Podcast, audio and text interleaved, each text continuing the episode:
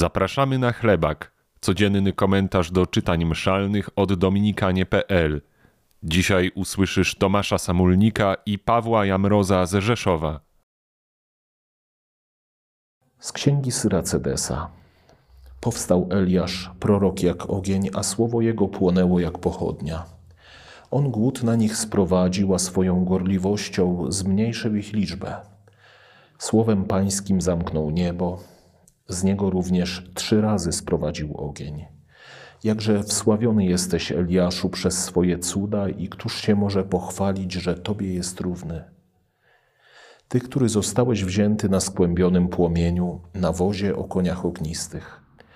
O Tobie napisano, żeś zachowany na czasy stosowne, by uśmierzyć gniew przed pomstą, by zwrócić serce ojca do syna i pokolenia Jakuba odnowić. Szczęśliwi, którzy Cię widzieli i ci, którzy w miłości posnęli, albowiem i my na pewno żyć będziemy. Dzisiejsze pierwsze czytanie odnosi się do księgi Mądrości Syracha, do jej 48 rozdziału. Słyszymy w nim tekst, który wychwala proroka Eliasza, apoteoza, niejako jest to apoteoza na temat największego proroka Starego Testamentu, jakim uważali go Żydzi. I rzeczywiście mamy tego potwierdzenie w Nowym Testamencie podczas przemienienia Jezusa, gdzie przychodzi Mojżesz.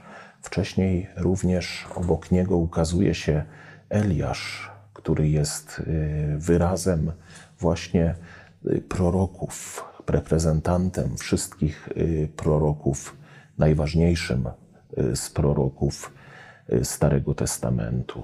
Eliasz był znakiem obecności i mocy Boga w Izraelu. Pamiętamy wiele wydarzeń z nim związanych. Obecności w Izraelu, ale również świadczył o Bogu wobec pogan. Objawiał Boga poganom. Jezus to jest coś więcej, ktoś więcej niż Eliasz. Eliasz był zapowiedzią, figurą Chrystusa, który miał przyjść, który też miał odnowić Izraela, który też swoim przyjściem miał odnowić i odnawia aż po dziś dzień cały świat nauką Ewangelii, swoją obecnością uświęcającą, przygarniającą człowieka.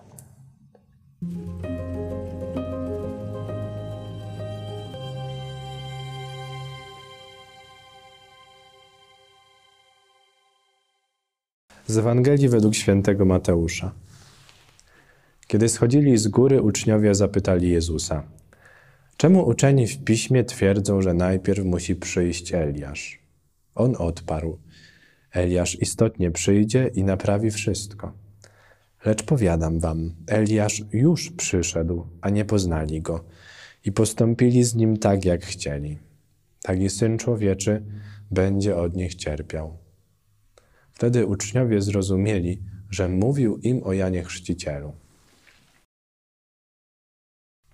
Moc Eliasza w Janie Chrzcicielu przejawia się w jego bezkompromisowości, w jego oddaniu prawdzie, w jego przebywaniu na pustyni, w tym jego gorliwym świadectwie o prawdzie. I Jan Chrzciciel poniósł męczeństwo, zapłacił za tę prawdę najwyższą cenę. Jest więc dla nas znakiem, że Jezus nie przynosi wyzwolenia od okupacji rzymskiej, że Jezus nie przynosi wyzwolenia politycznego, nawet tego miasta świętego, umiłowanego Jeruzalem.